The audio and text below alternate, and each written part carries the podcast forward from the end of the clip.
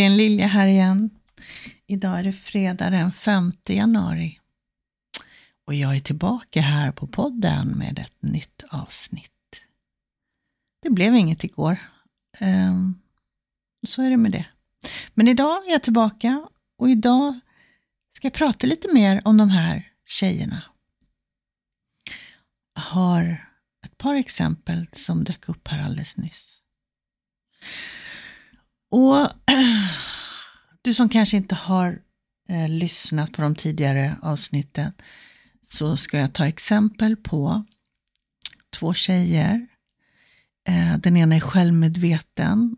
Hon, det vill säga hon har fokuset på sig själv. Hon är i kontakt med sina känslor, hon tillåter sina känslor. Hon lever inifrån och ut, så att säga. Hon sätter gränser och är sann och genuin och ärlig. Eh, och den andra är en person som är medberoende och inte eh, upp, har inte uppmärksamheten på sitt inre utan är mycket mer sitt logiska och har uppmärksamheten på andra.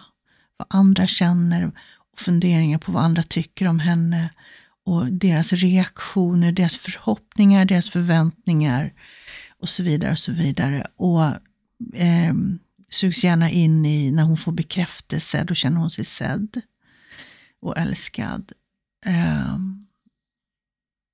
och hon tar mycket ansvar för eh, hur andra människor mår. Hon vill gärna rädda och hjälpa och finnas där för andra, för det är då hon har sitt värde. Det är då hon känner att hon har ett värde egentligen.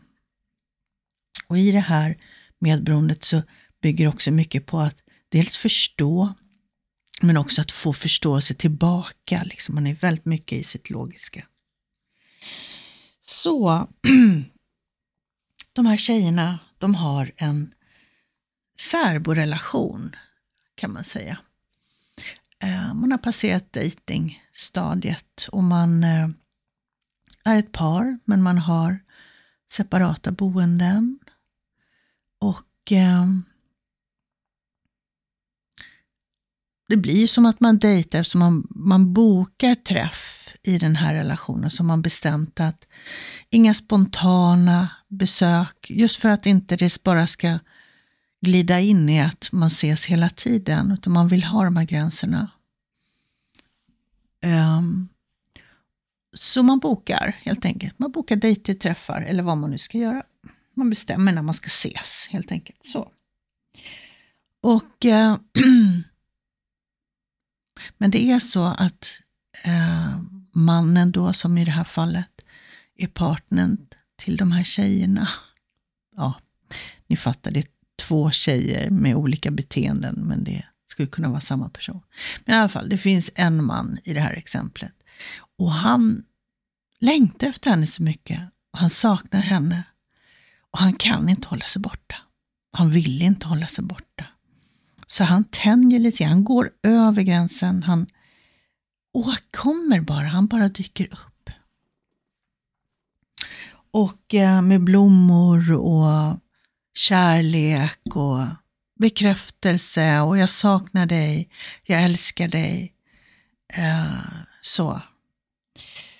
Och då tar vi då exemplet där den första kvinnan, hon som är självmedveten, hon öppnar dörren och där står han.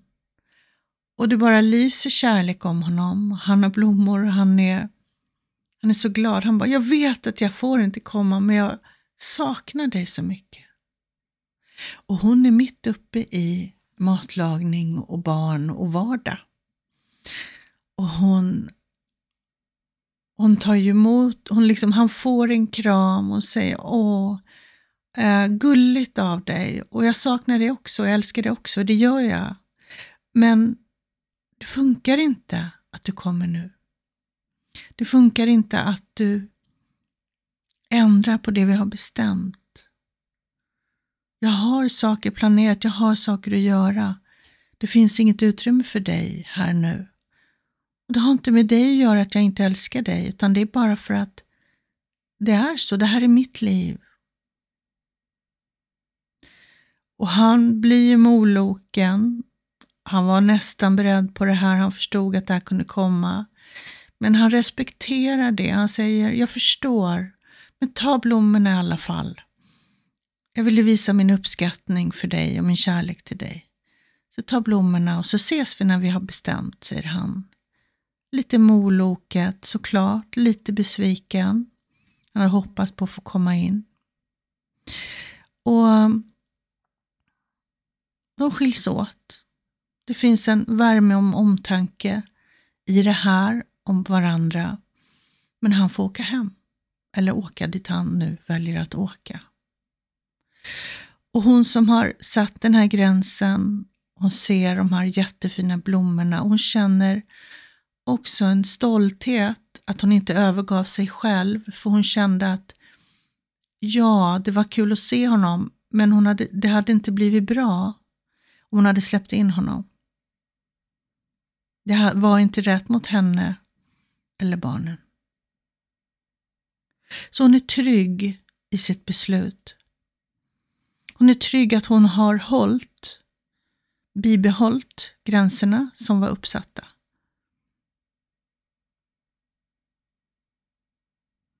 Hon har så att säga no regrets. Inget dåligt samvete eller så, utan det är bara hon är lugn och trygg i att det här var bäst för mig och för mina barn. Och så har vi samma scenario. Det knackar på dörren hemma hos kvinnan som är medberoende. Och där står han, mannen som hon älskar. Han står där, det bara lyser kärlek av honom. Han har en stor bukett med blommor och jag vet att vi inte har bestämt att ses idag, men jag saknar dig så mycket och jag längtar efter dig. Och hon blir ju givetvis jätteglad och tar emot det här och hon känner att hon borde inte, så ska jag säga. Det finns en liten sån här gnagande känsla att jag borde inte släppa in honom, men hon kan inte. För han står ju där och har ju liksom åkt hem till henne och köpt med sig blommor och han älskar ju henne. Så hon släpper in honom och jag håller på med maten här, vill du äta med oss? Han bara, ja visst, absolut, gud vad trevligt. Förlåt att jag kommer oanmäld. Liksom. Bara, Nej men det gör ingenting, säger hon. Fast att hon har den här lite gnagande. Det blev en inre stress i det här. Hon var inte alls beredd på det här och hon vet inte riktigt vad hon ska säga till barnen nu.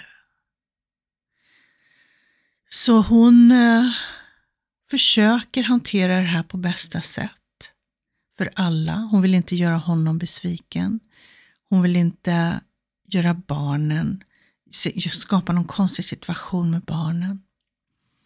Så hon, eh, han har inte träffat dem förut. Så hon eh, presenterar honom som en vän bara.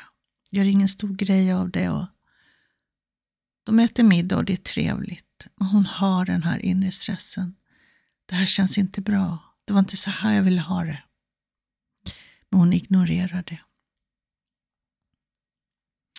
Och eh, så han åker sen efter middagen att hon ska natta barnen och där han förstår att nu, nu ska jag åka hem. Så det beslutet tog han själv. Um,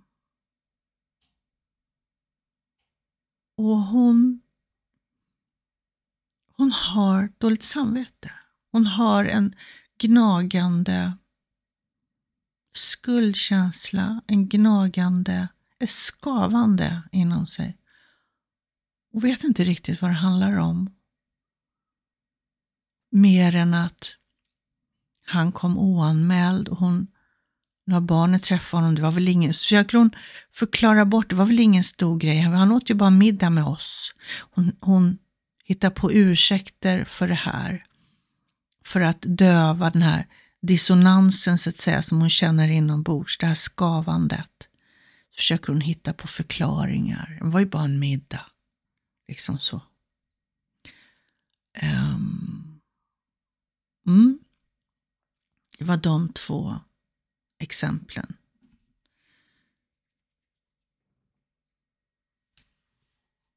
Och Det är ganska lätt att förstå fortsättningen på båda de här situationerna. Det första scenariot så kommer ju han passa sig för att komma eh, sådär spontant igen. Så hon blir ju utan spontanblommor. Eh, och så är det andra exemplet. Han kommer ju komma igen och kanske inte med blommor varje gång. Och sen så är det liksom helt plötsligt befinner hon sig i det här att man delar vardag. Hon har liksom inte haft förmågan att sätta gränser och bibehålla det här med att vi ska inte bo tillsammans, vi ska inte dela vardag. Men bara helt plötsligt så befinner hon sig i det, där han kommer helt naturligt hem efter jobbet till henne. Och vet inte riktigt hur hon ska ta sig ur det, för det har gått för långt. Och den här dissonansen, det här skavandet inom sig, det bortförklarar hon med, men vi har det ju så bra, vi älskar ju varandra. Det, jag vill ju träffa honom, jag längtar efter honom. Hon liksom hittar på förklaringar, försöker döva det här. Eh, men faktum är att hon har övergivit sig själv.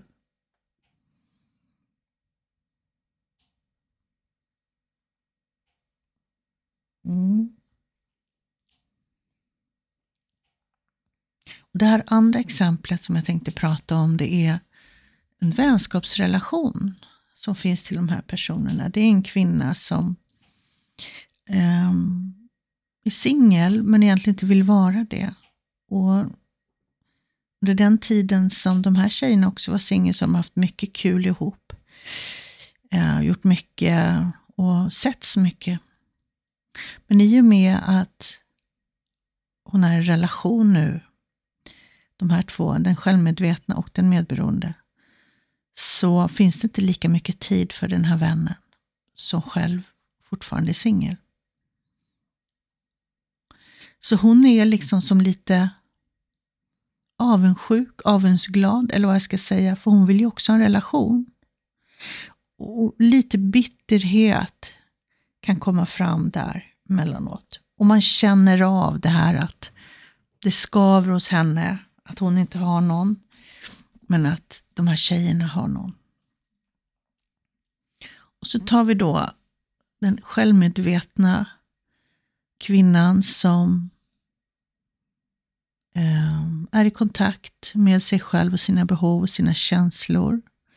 Lever så att säga inifrån och ut. Hon har ett samtal med sin vän som fortfarande är singel. Och hon hör lite så här, ah, har du träffat honom något? Och lite frågor och lite så här, men är du verkligen säker? Är han verkligen rätt? Och lite ifrågasättande av relationen märker hon att det är. Men hon väljer att ignorera det. Hon går inte in i försvar varför hon är i relation med den här killen, utan hon bara säger att men jag älskar honom. Jag känner att det här är rätt för mig nu. Att vara i relation med honom.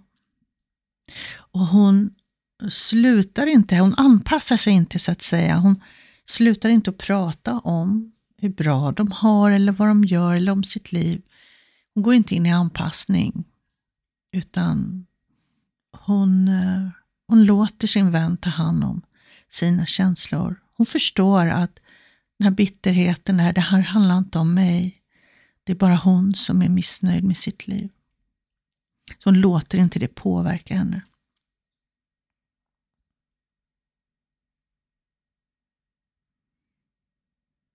Vännen får ha sina känslor. Och är det så att det går för långt, det vill säga att blir det en oförskämdhet eller något i det här, då då säger hon, men du, du känner inte honom, det vet inte du, så jag vill inte att du pratar om honom på det sättet. Eller något liknande.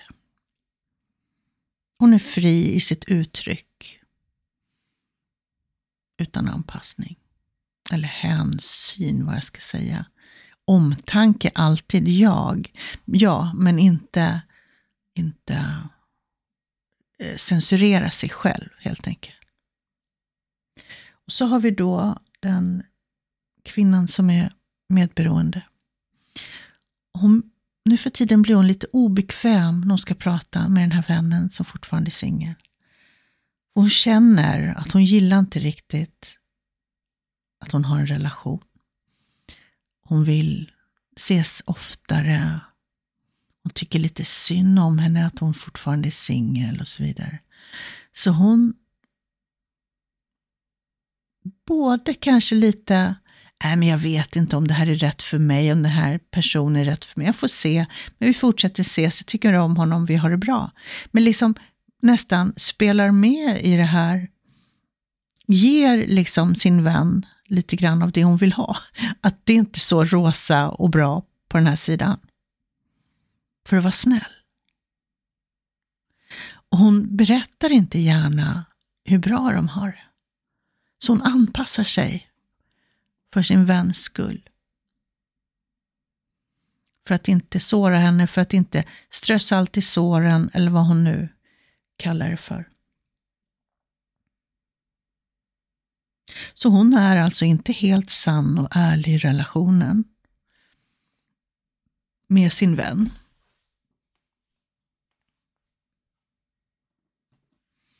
Och Det här är ett väldigt vanligt beteende när man är medberoende, att man tar ansvar för andra. Deras situation, deras känslor, deras agerande.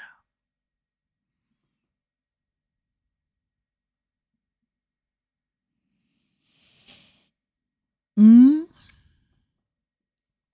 Känner du igen dig i någon av de här eller kanske lite i båda?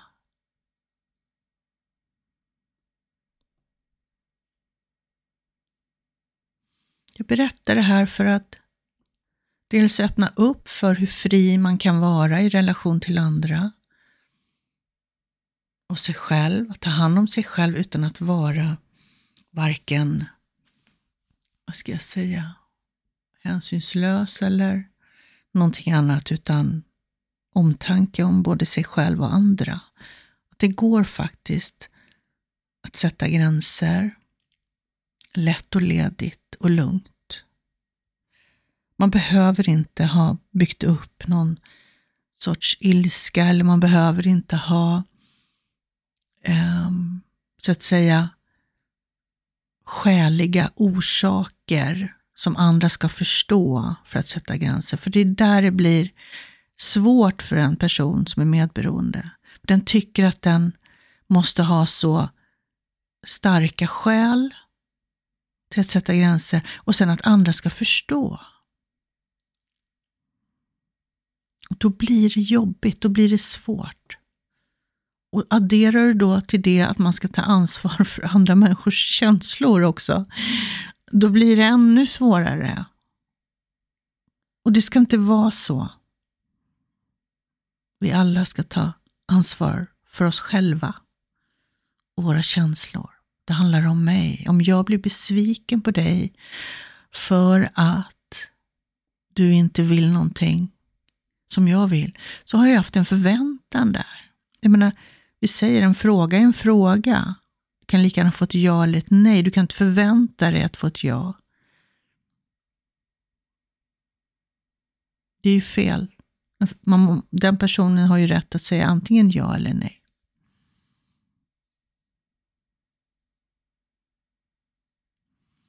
Så jag vill öppna upp för det. Att livet faktiskt kan vara lättare att leva. Det är ganska jobbigt att vara medberoende helt enkelt. Eller det är jävligt jobbigt. Nu svär jag, måste jag säga. Fy fan. Jag tyckte det. Och Det som var så jobbigt när jag var i det, jag fattade inte vad det var som varför det skulle vara så jobbigt. Jag, jag förstod att det var någonting som var galet, men jag förstod inte vad det var.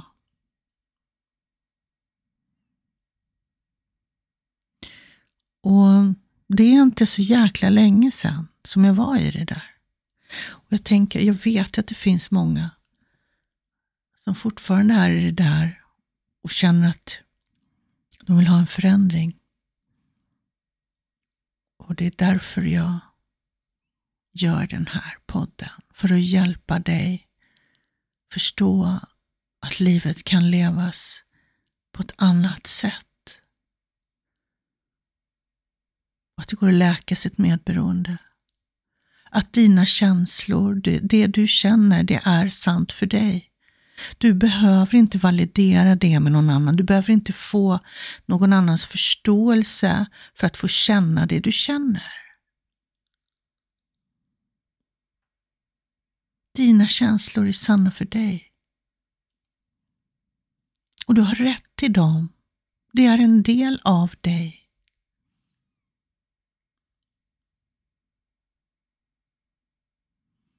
Och du känner dina känslor. Du är inte dina känslor.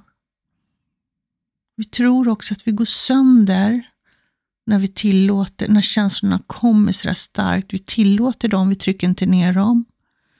Då tror vi att vi går sönder, men vi gör inte det. Vi har bara aldrig tillåtits att bottna i känslorna. Så vi tror att vi går sönder, men gör inte det.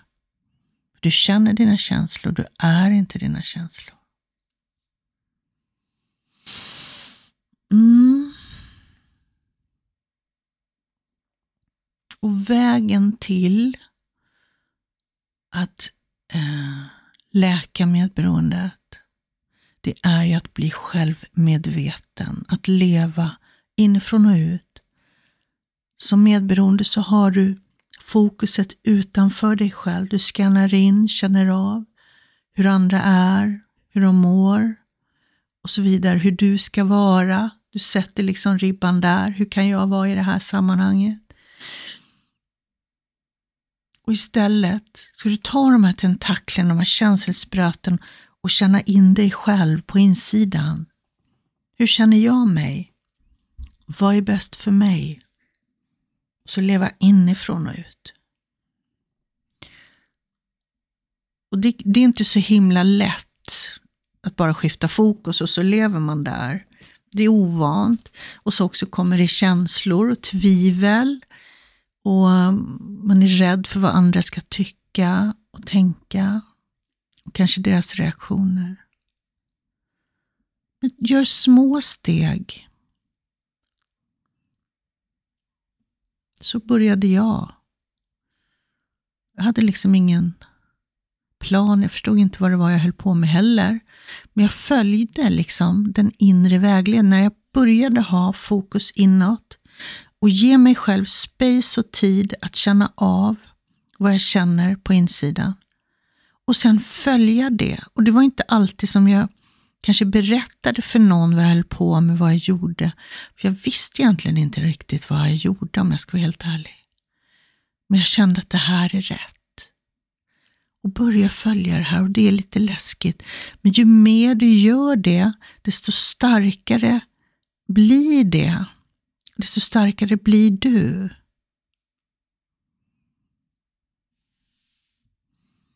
Och sen också har man mycket trauman, mycket sår från barndomen. Så ta hjälp. Du är värd det. Det är så värt att ta hjälp. Vissa saker är vi blinda för och det kan vara svårt att nå det utan någons hjälp. Så, och jag hjälper dig gärna. Du känner att um, det skulle kunna vara någonting. Så erbjuder jag ett fritt inledande samtal på 30 minuter. Där vi får lära känna varandra lite grann och du får berätta om din situation, vad du vill förändra. Och så kan jag berätta lite grann om ICT och lite så, hur jag ser på det, hur jag känner och känns det bra så tar vi det vidare till en prova på-session. En prova på-session är lite nedsatt. Den kostar 1100 kronor. Och den erbjuds du som ny klient. För att ICT är en ganska ny metod och att du också då får känna på mig som terapeut. Tveka inte att kontakta mig om du skulle vilja det. Jag skickar mejl till helene.helenelilja.se så tar vi det därifrån. Så, det var allt för idag hörni. Ut och ha en fantastisk dag. Var självmedveten, känn in på dig själv. Så ofta du kan. Och tack för att du lyssnat. Hej då!